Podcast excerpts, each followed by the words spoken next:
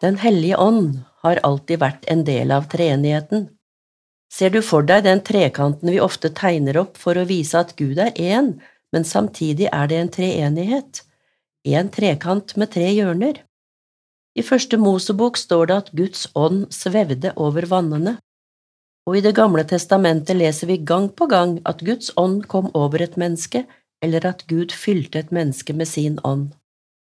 Den hellige ånd hadde allerede da til oppgave å hjelpe menneskene til å høre Guds stemme, bli minnet om hva Gud hadde sagt, vise deres synd slik at de søkte Guds frelse, og gi trang til å gjøre etter Guds vilje.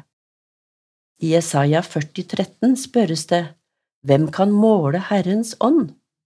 Svaret må bli, like lite som vi kan måle Guds storhet og kapasitet, og like lite som vi kan måle Jesus storhet og makt. Når vi kommer til Det nye testamentet og leser i Lukas 1, står det at Maria fikk englebesøk som sa, Den hellige ånd skal komme over deg, og Den høyestes kraft skal overskygge deg. Derfor skal barnet som blir født, være hellig og kalles Guds sønn.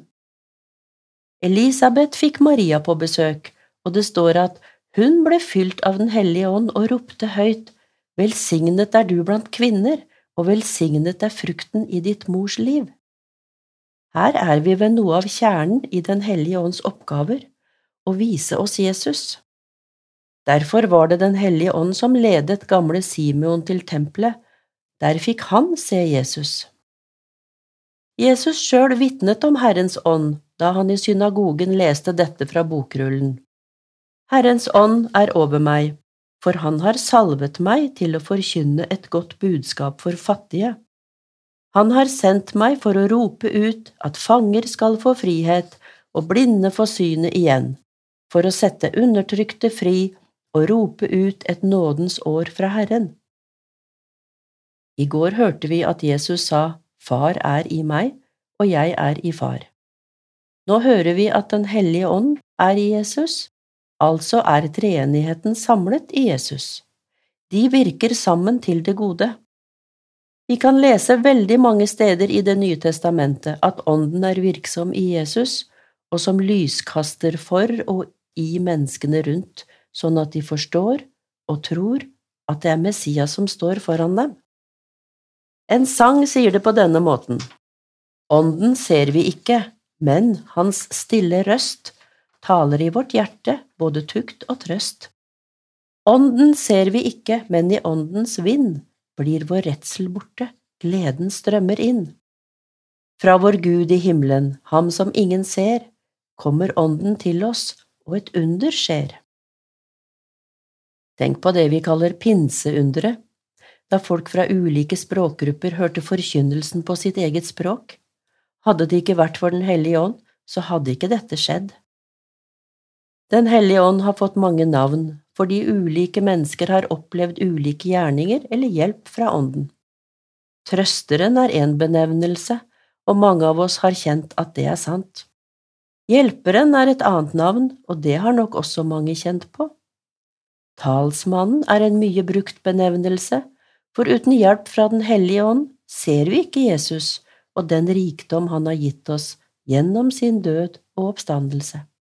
Ja, Den hellige ånd er selve nøkkelen vi trenger for at ordet om Gud og ordet fra Gud skal åpne seg for oss.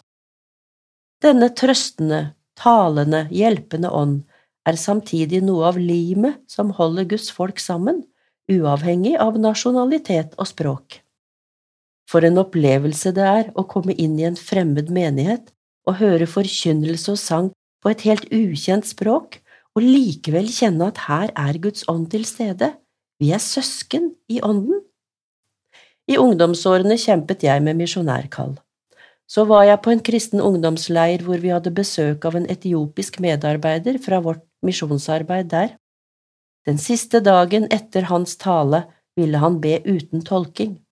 Han ba på amharisk, og jeg forsto ikke et ord, men Den hellige ånd var til stede på en så sterk og underfull måte at jeg måtte gi meg helt over og si til Herren, Her er jeg, send meg.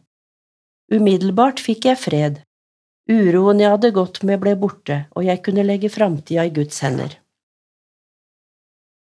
Før Jesu himmelfart sa Jesus til disiplene, Se, jeg sender over dere det som min far har lovet, bli i byen til dere blir utrustet med kraft fra det høye.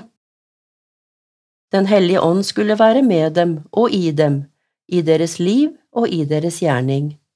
Og i misjonsbefalingen sa Jesus, Jeg har fått all makt i himmelen og på jorden. Gå derfor ut og gjør alle folkeslag til disipler. Døp dem til Faderens og Sønnens og Den hellige ånds navn, og lær dem å holde alt det jeg har befalt dere. Og se, jeg er med dere alle dager inntil verdens ende. Fordi vi har fått Den hellige ånd i oss og hos oss, kan Jesus si at han er med oss alltid.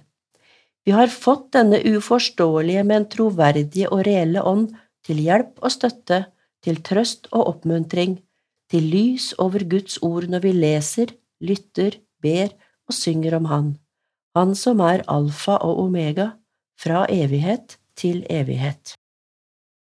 Kom, Hellig Ånd med skapermakt, opprett hva synd har ødelagt, og glede i hvert hjerte gi som du har født til evig liv. En trøsters store navn du har, Guds gave god og dyrebar, for sjelen syk en salve mild, en livets brønn, en hellig ild.